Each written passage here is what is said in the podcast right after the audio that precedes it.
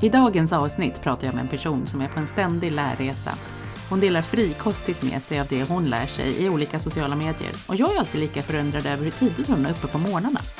Hon är expert på att leda utvecklingsprocesser, en prisad skolutvecklingsnörd med ett sällsynt driv som bland annat gjort att vi har skrivit en bok tillsammans. Idag får jag äntligen prata lärande med Malin Frykman. Malin, du brukar ju beskriva dig själv och jag kan skriva under på det alla dagar i veckan att du är en stolt skolutvecklingsnörd. Kan du ge oss en lite mer detaljerad presentation? Vem är du, Malin?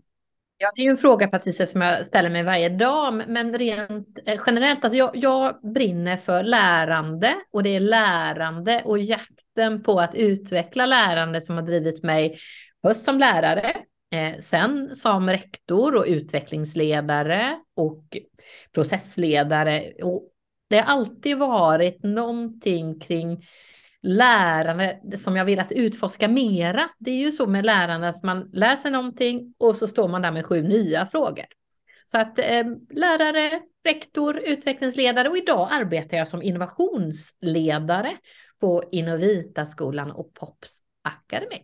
Plus att jag skriver lite böcker bland annat. Ja, precis. Vi, vi har ju skrivit en bok tillsammans. Eh, men det, vi återkommer till det om en liten stund. Du, i din eh, yrkesroll, vad, tänker, vad vill du lägga mer tid på? Vad skulle du vilja lägga mindre tid på? Alltså det som, som jag drivs väldigt mycket om, som jag lägger mycket, mycket både fritid eh, och jobbtid på, det är ju att lära mig och, och omvärldsbana eh, Eh, och eh, följa med. Och jag jobbar oftast, och, det vill jag ju egentligen alltid lägga mer tid på. Eh, men, men jag, eftersom det är mitt intresse så blir det ganska mycket tid. Jag är bra på att spamma folk klockan fem på morgonen i sociala medier. Och jag har byggt upp en struktur för det som, som har hjälpt mig jättemycket för, i mitt eget lärande och för att hinna lägga mycket tid på det. Så jag, jag, jag har något som jag kallar för learning strike, så jag ringar in ett område jag vill nörda i. Eh, det gör ju ungefär fyra veckor, minst en kvart om dagen oftast på morgonen när hjärnan är eh, kristallklar. Och sen var fjärde vecka så samlar jag ihop vad är det jag har lärt mig, vilka slutsatser kan jag dra, gör en mini-analys och så landar jag i en ny fråga och så jobbar jag vidare med det. Men sen gör jag också så eftersom jag gillar att motionera och gärna eh, gå och springa länge, många timmar, så gör jag också så att väldigt mycket av mitt lärande gör jag på löpandet. Vilket ja, eh, jag har faktiskt försökt gå en hel universitetskurs på 7,5 eh, poäng. Forskningsperspektiv på digital transformation som Göteborgs universitet höll. Allt utan examinationerna kunde jag faktiskt genomföra på löpandet. Eh, men det var quizexaminationer så det blev lite farligt där så att jag, det fick jag göra eh, sittande vid dator då. Så att det vill jag ju såklart lägga mer tid på, lära, utforska, det händer så mycket. Det jag skulle mindre tid på är väl administration, mötesinbjudningar och sådana saker som blir ett, en nödvändigt ont eh, i, i det arbetet jag har. Men, men jag försöker få en balans i det. Mm. För det här som, det här som du säger, det var nämligen, jag tänkte att fråga dig om det här, för du, du, du är ju verkligen en av de få människor som jag känner som är så här, på den här ständiga läranderesan och också delar med dig av det. För det är ju liksom, varenda morgon, som du säger, ibland är det ju okristligt tidigt, så har du lagt upp någonting, eh, något så här videoklipp eller någon länk till någon eh, artikel eller rapport eller text som du har läst eller så. Och jag brukar alltid tänka på det, att vad, men vad hittar du allting och hur, hur klustrar du liksom de här olika temana som du vill lära dig om? Alltså var, var letar du någonstans? Ja, men jag letar faktiskt inte. Alltså jag har ju hållit på så här i många år och har ganska bra flöden, prenumerationer, jag har ringat in bra källor. Så att jag, jag har liksom prenumerationer på YouTube som gör att det kommer bra saker till mig. Eh, och även följer ju mycket bloggar och den delen. Så jag har en ganska bra grund. Eh, och det, det som gör, alltså det är ju det här, vad är det jag ser att jag vill, eh, behöver lära nu? I och med att jag har strukturen med learning strike som är väldigt, väldigt bra. Alla vet vad en run strike är. Det här är ju samma sak fast lärande. Så blir det att jag har fokus på en fråga som jag djupar lite grann i och då blir det det här mikrolärandet som blir till makrolärande. Eh, och så, så jobbar jag med det koncentrerat och det kan vara någonting jag behöver lära mig jobbet. Det kan vara någonting som jag själv som individ eller som författare, mm, utvecklingsnörd är intresserad av. Och då blir det ju så när jag gör analysen där efter en fyra veckor, då, då, då landar jag i en ny fråga och då sker det, det blir liksom lärandet loppa vidare av sig själv utan att jag tänker på det. Sen är jag, jag har nog jag är ganska bra på att, att, att eh, också tänka eh, de här mellanrummen för lärande.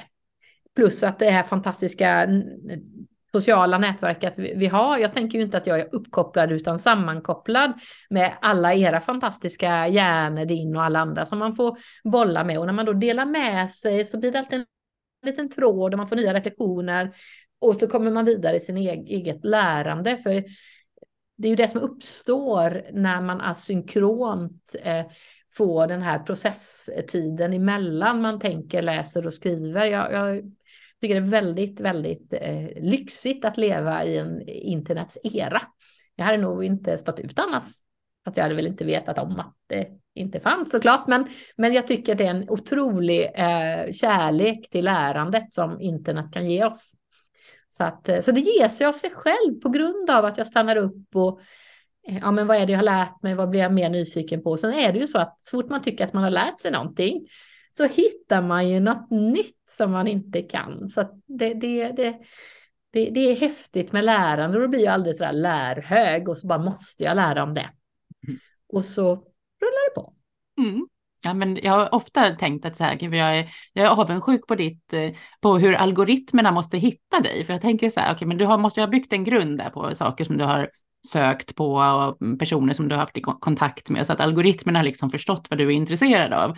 Och så måste du liksom bara matas på med så här helt rätt, eh, för det känns alltid som att det också är helt on point, det som, det som du delar med dig av, det som når dig. Och mitt flöde ser inte riktigt ut så, för det, är liksom eh, är, det svajar lite grann. Det är väldigt många olika intresseområden som det... Jag måste bli bättre på att strukturera upp mitt eh, flöde så algoritmerna hittar mig bättre. Ja, men det är faktiskt eh, eh, klokt att göra det, för då, då blir många att oh, du måste ju sitta varje dag och leta länkar. Nej, jag letar inte alls. Jag lägger nog minst tid av alla på, för det, det kommer liksom till mig eh, eftersom jag har byggt upp en struktur och, och, och, gjort det under många, många år.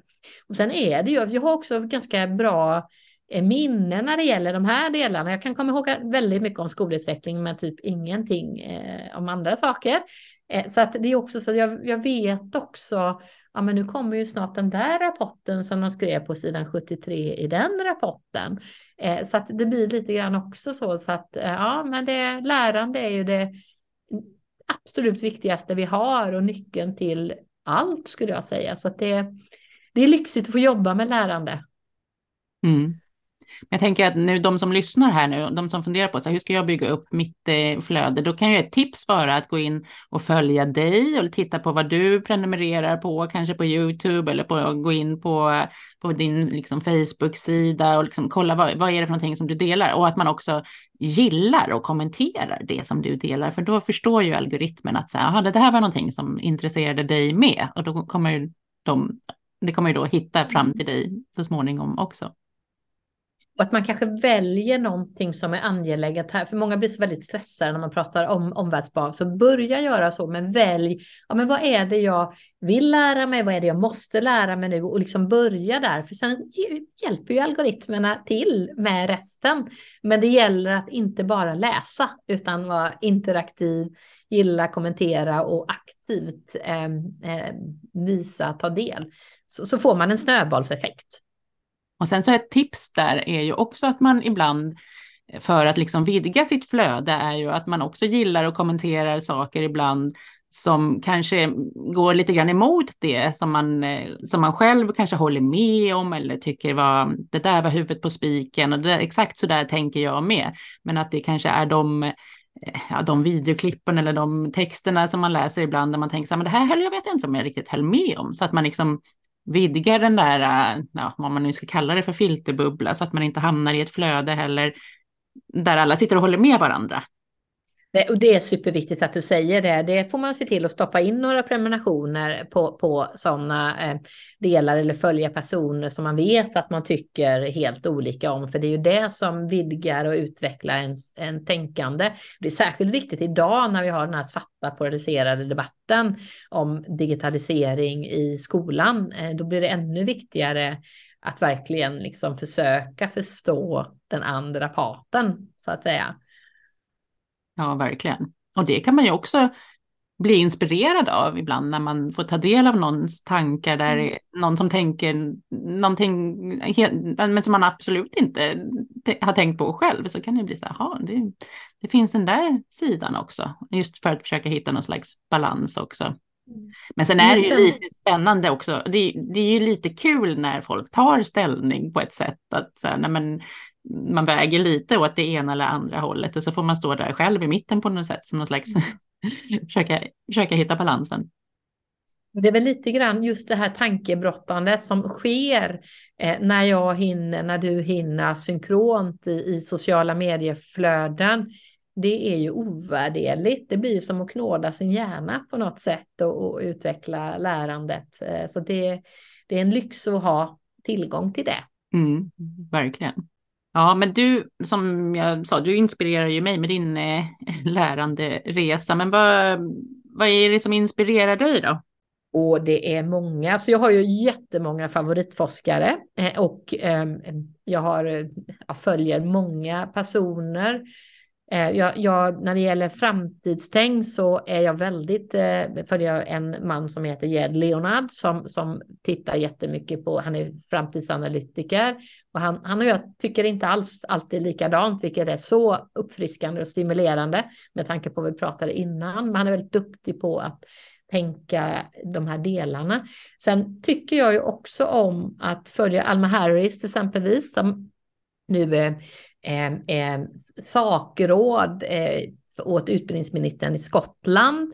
Det är så häftigt att se den utvecklingsresa de har haft de senaste fyra åren när man får ett, ett, ett kunnigt eh, sakfråd, eh, en person som är kunnig i skolsakfrågor eh, jämte en minister. Alltså den effekten är ju bara wow. Eh, och sen såklart så, så är jag ju, eh, jag är ju formativt lärande såld sedan många år, så Dylan, och det är häftigt att hur han utvecklas nu kring AI och ta del av han och Hattys tankar kring de delarna. Så jag inspireras av väldigt många människor och alla de här samtalen man har med kloka lärare, rektorer. Jag skulle nog säga att jag kanske inspireras mest av, av det samtalet plus de här giganterna som kan lära mig väldigt, väldigt mycket. Och dig? Bland annat. Bara få tank, alltså när man får tankebrottas med människor och, och, och, lite djupa i det, det blir väldigt inspirerande. Då blir jag lärhög. Mm. Ja, vi hade ju ganska många, vi hade ju många diskussioner du, jag och Sara Willemark som vi också har skrivit den här boken eh, Lärande i en digitaliserad värld tillsammans med när vi pratade en del just kring det här med forskning och att man, man försökte undvika det här som man brukar kalla för cherry picking, som ju många ägnar sig åt förstås. Man vill fram, föra fram sin, sin sak och man vill gärna koppla till forskning och då, då är det ju väl lätt hänt att man hamnar i det. Eh, men det, det pratade vi ganska mycket om när vi skrev tillsammans. Men du, vi skrev ju den här boken på ditt initiativ. Vad, kan du inte berätta vad du, hur, vad tänkte du, ja men vad tänkte du när du kom på att den här boken behöver skrivas och varför kontaktade du just oss? Ja, nej men det, det, dels är det ju så, vi har ju liksom eh, hängt, eh, både du och jag och Sara, fast inte gemensamt, i olika sociala nätverk och tankebrottas på, på varsitt håll. Eh, och eh, en sak som vi har samtalat om, ni jobbar ju mycket med lärarutbildning, jag jobbar mycket med utbilda rektorer och skolchefer, men också förstelärare och just det här att liksom vi har pratat mycket om det här med, ja, men varför samlar inte någon bara ihop alla erfarenheter som finns där ute och det vi faktiskt vet och gör en konkret handbok. Det har ju liksom funnits med. Och sen kändes det som det var rätt i tiden. Jag har jobbat jättemycket med läroplansimplementeringar på huvudmannanivå den senaste tiden. Och jag märker ju också att man, om man inte vet vad det är man, alltså varför och skolans uppdrag, då blir det väldigt lätt att hamna fel från början. Det är ofta så att man hoppar in i sin kursplan och så glömmer man kapitel 1 och 2 och så hänger liksom inte läroplansuppdraget med. Plus alla de här erfarenheterna. Så det är också så att många gånger när man, när man träffar lärare så är det, det, det är nästan samma frågor idag som det var för 15 att 10 år sedan. Eh, och då tänker man, men varför har inte någon tagit ansvar för att eh, visa eh, för och nackdelar, möjligheter, små tips, saker som man faktiskt har lärt sig. Plus att eh, jag eh, har varit väldigt nyfiken på att göra som vi gjorde nu, skriva en bok utifrån användardesign där man har en idé och jobba med, med följare. Jag vet inte om det har gjorts innan faktiskt. Eh, och ni är ju två fantastiska personer, du och Sara, som jag vet eh, har väldigt olika perspektiv. Sara och jag har jobbat en hel del eh, med, med liksom bolla forskning innan utifrån hennes roll och, och, och utifrån digital didaktisk design och leads och den delen. Eh, och du och jag har ju pratat mycket om formativt och, och språkutveckling. Och, eh, Sara är forskning, du är forskning och praktiker och jag någonstans i mitten där. Så jag kände att vi skulle vara en bra, ett bra team eftersom vi har olika perspektiv men samma mission.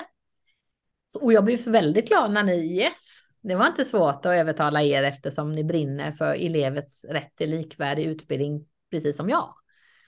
Mm, nej, men jag blev så glad när du hörde av dig och min första spontana tanke när jag, när jag såg eh, liksom, skelettet till boken så tänkte jag så här, ah, varför, varför, har inte den här boken skrivits tidigare? Och min andra tanke var så här, gud vad jag inte har tid att skriva den här boken just nu, men eh, självklart ska vi göra det. Och just det där också om man tittar på, det här är ju en bok som, som verkligen, det lärarna sa till oss hela tiden när, när vi höll på att utveckla boken, var ju vi vill ha en bok där vi kan läsa och sen direkt kanske till och med dagen efter, gå ut och öva och pröva eh, med eleverna. Det ska vara en konkret handbok, men det ska finnas en teoribas i den, men forskningen och, och teorierna och, och det här som både du och jag, Sara, älskar, det får inte ta överhanden, utan ge mig en crash course, en genväg. Eh, mm. Så att jag kan göra, eh, jobba medvetet och ansvarsfullt med att ta ansvar för att utveckla mina elevers digitala kompetens i det jag redan gör. Mm. Och det, det är ju någonting som, som varenda lärare borde få möjlighet att eh, lära sig och utveckla så att man får igång sin egen snöbollslärande inom detta. Mm. Men den är ju, för boken är ju uppbyggd liksom kring elevens vad, alltså för vilka syften som de ska jobba med olika digitala verktyg. Um, och det tyckte, för det är väl en av de, de frågorna som jag har fått senaste, ja, mer än tio år nu. eh, om, men, men hur gör man då? Alltså om det står liksom uttryckligen att eleverna ska få använda digitala verktyg för att eh, söka kunskap, lösa problem, eh, bearbeta information, skapa, kommunicera och lära. Eh, det kan ju vara ganska luddigt och det där går ju också tillbaka till det som är lärarens digitala kompetens, utan jag brukar alltid säga till lärare att man får ransaka sig själv och fundera på att om man själv kan använda digitala verktyg för de syftena. Eh, och det gör jag också hela tiden själv och funderar på så här, kan, kan jag det här då? Om jag nu ska lära, ja, framförallt just nu då lärarstudenter, om jag ska försöka få dem att förstå det här, kan jag det här själv? Och det är ju också en, eh, men det är ju liksom en resa hela tiden eftersom att det också handlar om den här adekvata kompetensen, för det utvecklas ju också hela tiden. Men det är bra om man har ett litet hum från början och det är det som också den här boken har, ja, men, bidrar med. Ja, den ger en bra grund och framför allt så har vi ju hela tiden när vi skrivit den eh, försökt att ha det japanska uttrycket eh, ge någon eh, fisk för dagen eh, och kan bli mätt. Eh, lär någon fiska om man är mätt för hela livet. Så att liksom vi ger konkreta saker, men det finns ju också efter varje kapitel eh, reflektera eh, frågor och saker man kan gå ut och pröva och öva med sina elever och sen reflektera ihop med kollegor. Så det är ju perfekt att jobba ett arbetslag eller ett helt kollegie med för att bygga upp den här kompetensen. Eh, och man kan också välja delar, för en del saker kan man kanske, en del saker kan man inte. Så att det också blir det här att man inte lär Ibland, under kompetensutveckling så har vi haft så mycket perioder i Sverige nu där alla ska göra lika, alla ska göra allt. Måste hitta de här vägarna att, att ta genvägar och liksom adaptivt jobba med kompetensutveckling. Det har ju också varit ett perspektiv vi haft med oss i boken. Plus allt det här som har hänt nu med AI-chatbots, digital läsning, distraktion, hur kan man jobba med det? Så det är ju, och learning analytics och sådana saker som vi vet att många lärare går och funderar över och förklarar också de här begreppen på ett hyfsat enkelt sätt. Vilket mm. jag tror också är värdefullt. Ja, och det är ju verkligen kompetensutveckling, digital kompetens i, i liksom hela världen och hela samhället nu. Sverige med tanke på digitala nationella prov så är det många som, som, som lyser upp det just nu, men också med tanke på att vi kan se att många av de länderna som Estland till exempel, som lyckas bra i PISA nu, de har ju jobbat väldigt systematiskt och strukturerat och använder ju tekniken för att levla lärande. Men de gör ju det på ett medvetet och eh, eh samspelat sätt. Mm.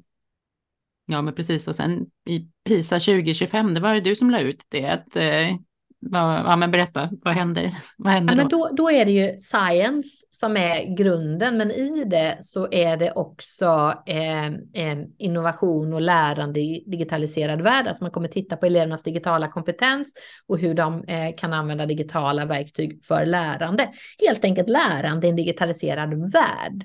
Eh, och vi har ju precis upplevt PISA 20, 2022 kallade man det kunskapskollaps eh, på regeringsnivå. Eh, och med tanke på hur vi, hur vi tänker kring nationell digitalisering just nu så får vi nog förbereda oss för kunskapskollaps 2.0 om inte huvudmän och eh, rektorer eh, på egen hand tar ansvar för att faktiskt ge eleverna de digitala kompetenser de behöver för att ta ansvar för sin framtid. För, för framtidskompetenser, om man nu tänker att digital kompetens och AI-readiness är det, är ju inget man bygger på en studiedag eller så, utan det är ju någonting man bygger genom samtidskompetens, att undervisa eleverna utifrån den samtiden de lever i. Då bygger vi och rustar dem för framtiden per automatik. Så att eh, jag tänker att det här är en bok som ligger rätt i tiden, både när det gäller PISA, kunskapskollapsen som vi inte vill ha, eh, och även såklart eh, för elevernas lärande här och nu. Ja, men precis. Men där tänker jag, jag ska slå ett sista slag för den här boken, för den är också eh, grundad i eh, Ehm, en modell för design av undervisning med digital teknik som bygger på eh, TPAC-modellen. Eh, så det här är ju liksom grundat också i, i forskning, att, men istället för att beskriva vilka kunskaper som lärare behöver, som man gör i den liksom, eh, ursprungsmodellen av TPAC, så eh, använder ju vi en modell som Sara har varit med och utvecklat som kallas för TPAC in situ som är mer ett konkret stöd för att designa undervisning med digital teknik. Så man kanske, om man har jobbat med det liksom aktivt och medvetet under lång tid, kanske man, då känner man troligtvis igen de här olika stegen.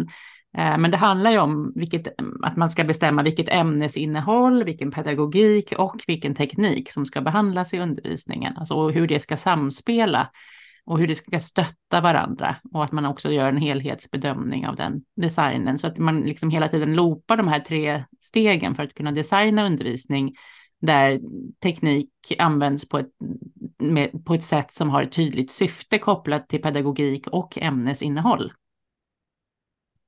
Ja, och det finns ju också flera äm exempel på eh, arbetsområden eh, direkt kopplade till Lgr 22 Eh, som man kan inspireras av och titta på. De går ju också att skala upp till, alltså lätt en, en, en skicklig lärare gör lätt om dem till gymnasienivå och så vidare.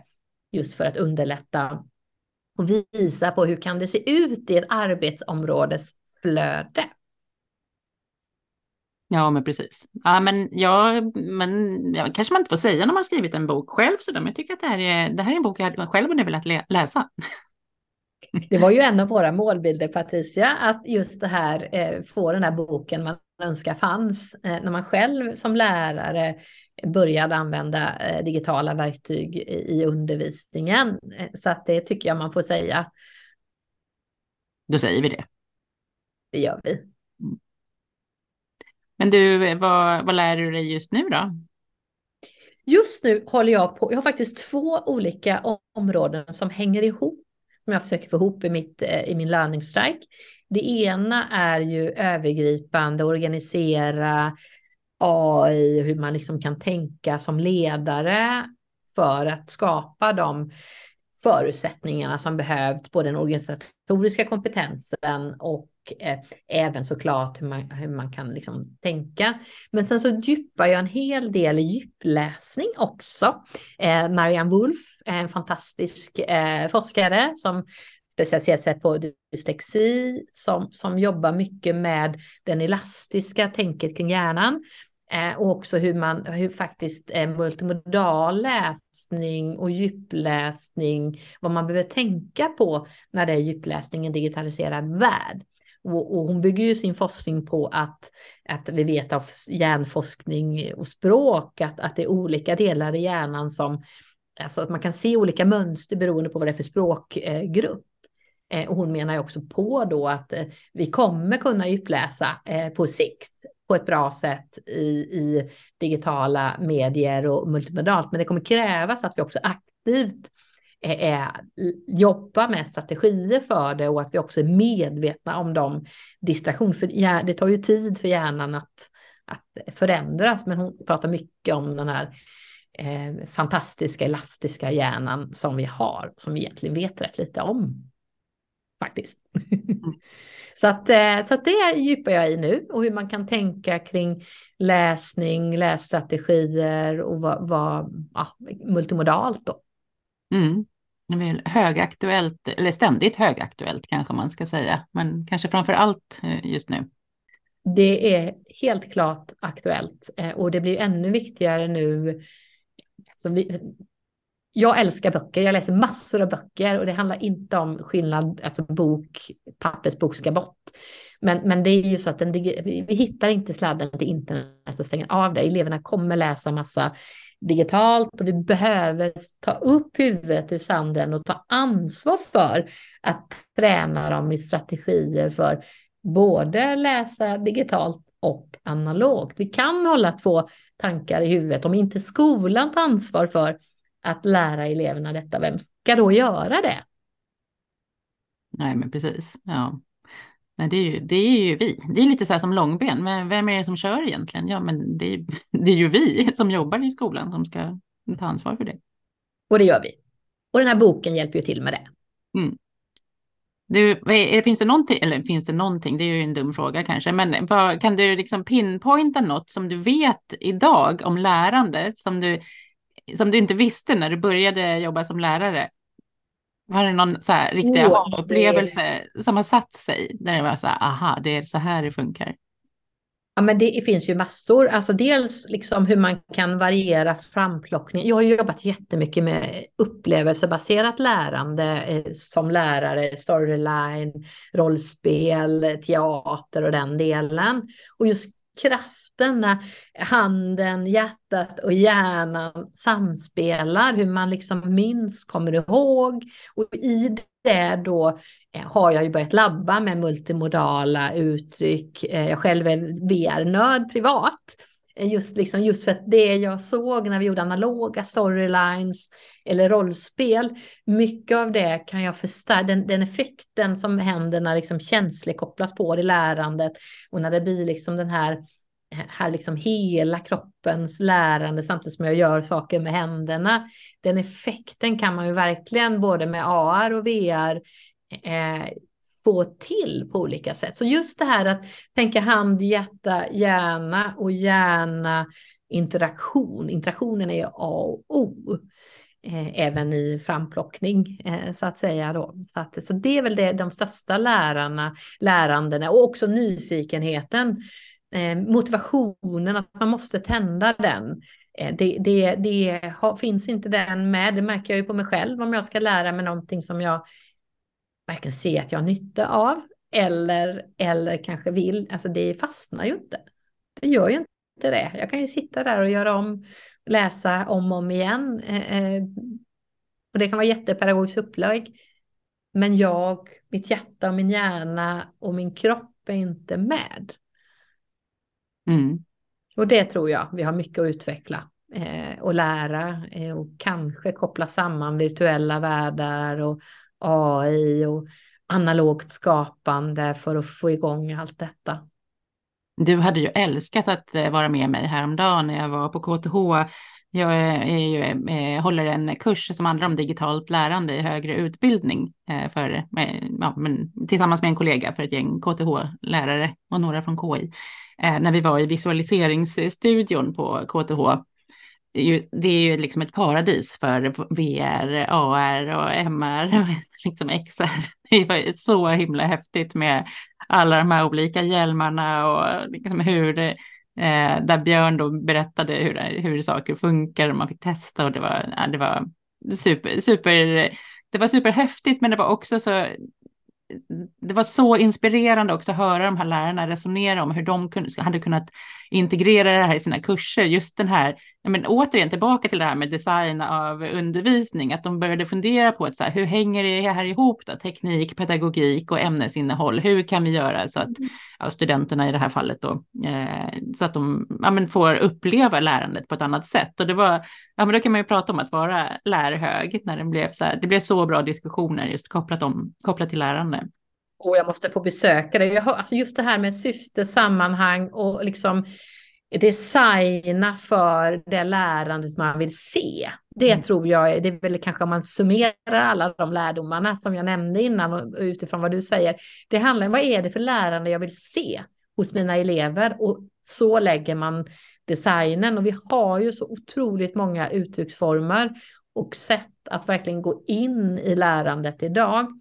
Eh, och vi har inte börjat skrapa på ytan än knappt. Så det här tror jag vi kommer se jättemycket utveckling eh, framöver. Och då blir det en annan typ av skola förmodligen när vi väl är i hamn där.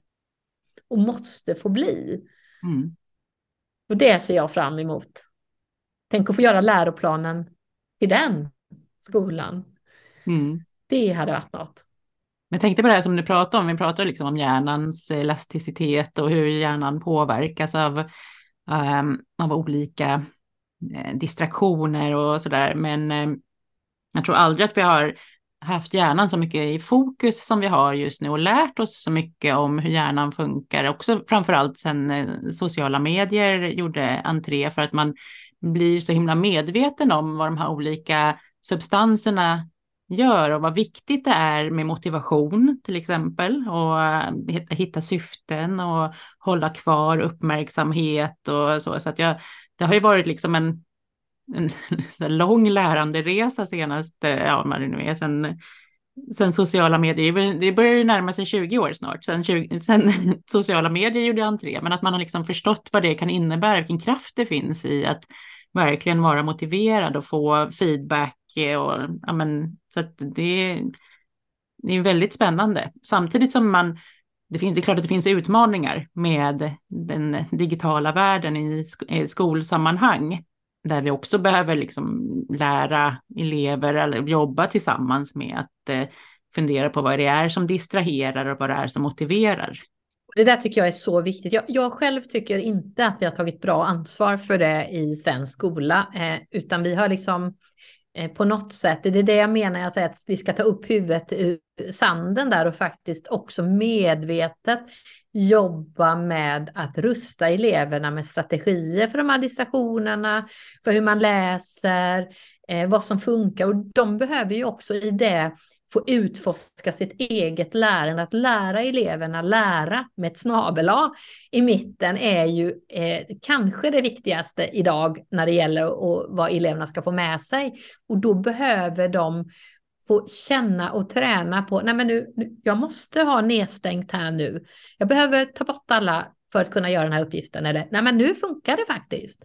Eh, såklart med en progression med stigande ålder. Och det upplever jag inte att vi har gjort alls i Sverige, utan vi, vi har antingen eller och debatten har varit svartvit ända sedan eh, NTN började någon gång runt 28-29 där, så har vi liksom, och det är dags nu att eh, backa bandet, börja om från början och göra eh, med de lärdomarna vi har. Och då behöver man eh, kompetensutveckling, man behöver prata om hur man designar distraktioner och inte eh, och den delen och, och ta ansvar för det. Själv använder jag ju jättemycket nedsläckning och den delen i vissa situationer och skulle aldrig kunna använda till exempel en låst skrivyta när jag ska skriva något kreativt. För då behöver jag ju bolla med dig och hundra andra och den delen och just att när behöver jag använda vad? Det är ju någonting som elever på sikt behöver med stigande ålder få lära sig och kanske i takt med att de lär sig läsa. Va? För det här är ju inte någonting som man bara allt, det är lika bra att lära rätt från början än att lära om sent. Mm. Det finns inget som är så svårt att avlära saker som man har lärt sig under många år. Nej, precis. Det är det där med gamla hundar. Men du, om vi ska tillbaka till, eh, om vi ska tillbaka till klassrummet igen då. Har du något så här minnesvärt eh, Eureka moment som eh, när du i, i klassrummet när du tänkte så här, Jaha, det där funkar faktiskt. Vad intressant. Liksom. Ja, alltså jag har faktiskt, vi hade, jag hade en fyra eh, och på nyårsafton brann våran skola helt ner. Det var bara en liten del från högstadiet som var kvar. Eh, och jag skulle ihop med min kollega eh, jobba med Sverige. Eh, och vi hade tänkt att vi skulle jobba med massa stationer och vi skulle ha jättemycket interaktion och den delen och skapande. Och så hade vi ingen skola alls och vi hade inga läroböcker för de hade brunnit upp. Så då satte vi oss ner och tänkte vi om och då byggde vi en storyline eh, från Wikispace. Eh, en storyline som byggde på de hiphopens fyra element. Där eleverna då fick liksom ge sig ut och, och göra landskapsrappar och det blev dans och det blev tavlor och det blev show. Och så lärde vi oss om, om landskapen samt och dokumenterade Wikispace som du kommer ihåg den mm. eh, som gick ner. Och det blev en sån där wow, jag vet vi hade en, en tv-show. Det fanns ju inga livesändningar då, så vi hade ju fejkat tv-showen så hade vi lite publik liksom. Men det blev faktiskt riktigt, riktigt det var nog den gången som jag bara, här kände man, alla var verkligen med. Och man, det gick, och det var ju innan NTN, vi hade tre eh, hårda klienter och så hade vi fått låna två bärbara. Eh, skärmen till projektorn. Projektorn var ju bärbar och så var, det var liksom spännpapper, vi hade liksom ingen ingen, ingen dra ner eller snygg vit tavla, för det var ju liksom en barack vi fick vara i. Eh, inga möbler hade vi heller halva tiden, men det blev, det var ett Eureka moment för mig. Det blev riktigt, riktigt, ja, wow. Och då jobbar vi väldigt analogt med blended learning med liksom en bra process. Väldigt kooperativt hade man sagt idag. Mm. Tänk att det går igen, de där begreppen och uttrycken som man använder sig av. Men du Malin, du har ju fått en fråga från en annan poddgäst, nämligen Camilla Askebäck Diaz. Den kommer här. Hej Malin! Jag undrar en del kring fortbildning. Hur vet man som lärare att man lägger sin tid på rätt fortbildning? Och eh, vart hittar man fortbildningen någonstans? Ska huvudmannen gå in och styra vilken fortbildning man behöver? Och varför då i sånt fall? Det bästa sättet som lärare att faktiskt veta att man lägger sin eh, fortbildning eh, på rätt sak är att man är noga med att man utgår ifrån elevernas behov av lärande. Elevernas behov av lärande vid lärarnas eh, kompetensutveckling helt enkelt. Och då behöver man känna, förstå, analysera sin undervisning och ha koll på eh, vad det är faktiskt man ser att eleverna behöver att man som pedagog utvecklar. Och det är ju det som ska styra valet av eh, fortbildning, både på skolnivå men också på huvudmannanivå. Så på den här frågan om huvudmannen ska gå in och styra vad för fortbildning man behöver, så beror ju det på om eh, man faktiskt eh, har ett bra systematiskt kvalitetsarbete skulle jag säga. Har man det så behöver man inte gå in och styra, för då har man i regel identifierat samma saker på huvudmannanivå som professionen har sett. Har man inte det och man kanske har data, det kan vara stora skillnader i nationella prov eller det kan vara eh, direkta inspektionsgranskningar, då kanske man behöver hjälpa professionen att se behovet. Så i de bästa världarna ska huvudmannen inte gå in och styra eh, fortbildningen, men det kan finnas eh, case där man faktiskt behöver det. Eh, och här gäller det ju verkligen att samverka i hela styrkedjan och se vad eleverna har behov att vi som lärare utvecklar. Elevernas behov av lärande är alltid vårt behov av kompetensutveckling. Och när det gäller att hitta fortbildning så finns det många bra källor. Jag skulle framförallt vilja lyfta när det gäller digital kompetens, digitala lektioner, Internetstiftelsens lärarhandledningar, eh, och miniutbildningar och även Internetstiftelsen har jättebra utbildningar i detta. Sen har vi ju massa guldkorn inne på Skolverkets lärportal. Utmaningen med dem är att de är väldigt omfattande och man oftast får gå in delar och lite grann veta vad det är man letar efter och plocka ihop en, en bra eh, kom kombination av det. Sen så finns det också bra utbildningar när det gäller tillgänglighet och digitala verktyg på SBSMs utbildningssida. Där finns också en hel del utbildningspaket. Sen får vi ju faktiskt inte glömma det underbara informella kollektiva lärandet som också sker bland lärarkåren i sociala medier, där vi delar och lär. Det är också en otroligt viktig del i lärandet. Men du, Malin, vad, är det någonting som vi har glömt att prata om? För, äh, utöver det som vi pratade lite löst om, vad vi skulle prata om innan. Jag tror inte det. Jag tänker så här Patricia, vårt samtal, eh, det fortsätter ju eh, i sociala medier och vi skulle ju gärna eh, få in, vi har ju faktiskt en Facebook-sida kopplat till boken där vi kommer ha lite dialoger och lite tankebrottning. Den kan man ju faktiskt gå in eh, och följa och så fortsätter vi samtalet ehm, asynkront där. Ja, men precis. Och den Facebook-sidan heter ju som, som boken också, Lärande i en digitaliserad värld. Men eh, då Malin, ja som sagt, vi pratar ju vidare du och jag, men jag tänker att ni som lyssnar, ni får vara med oss eh, i andra forum helt enkelt och vara med och stöta och blöta och ställa bekväma och obekväma frågor och följa Malin för att utvidga det här eh, flödet som, eh, som du har för att försöka få en liten, en liten bit av eh, Malins lärande resa, den stora kakan där som du så frikostigt delar med dig av också. Så att det, eh, det är ju verkligen bara att gå in och följa dig. Eh, och, och vakna varje morgon till något nytt som man kan lära sig. Det är ju helt fantastiskt. Det är det bästa jag vet med att följa dig. Men då är så. Men då säger jag jättestort tack Malin för att du var med idag. Tack, det var jättekul att få titta in här och hänga med dig. Vi hörs igen. Och tack till dig som har lyssnat. Mig hittar du på Instagram och Facebook under namnet Patricia Diaz där du kan följa min vardag som doktorand på KTH. Där jag delar med mig av tips och reflektioner kopplade till undervisning, lärande och ja, en del generativ AI, responssystem och digitala verktyg blir det ju också. Ha det fint tills nästa gång.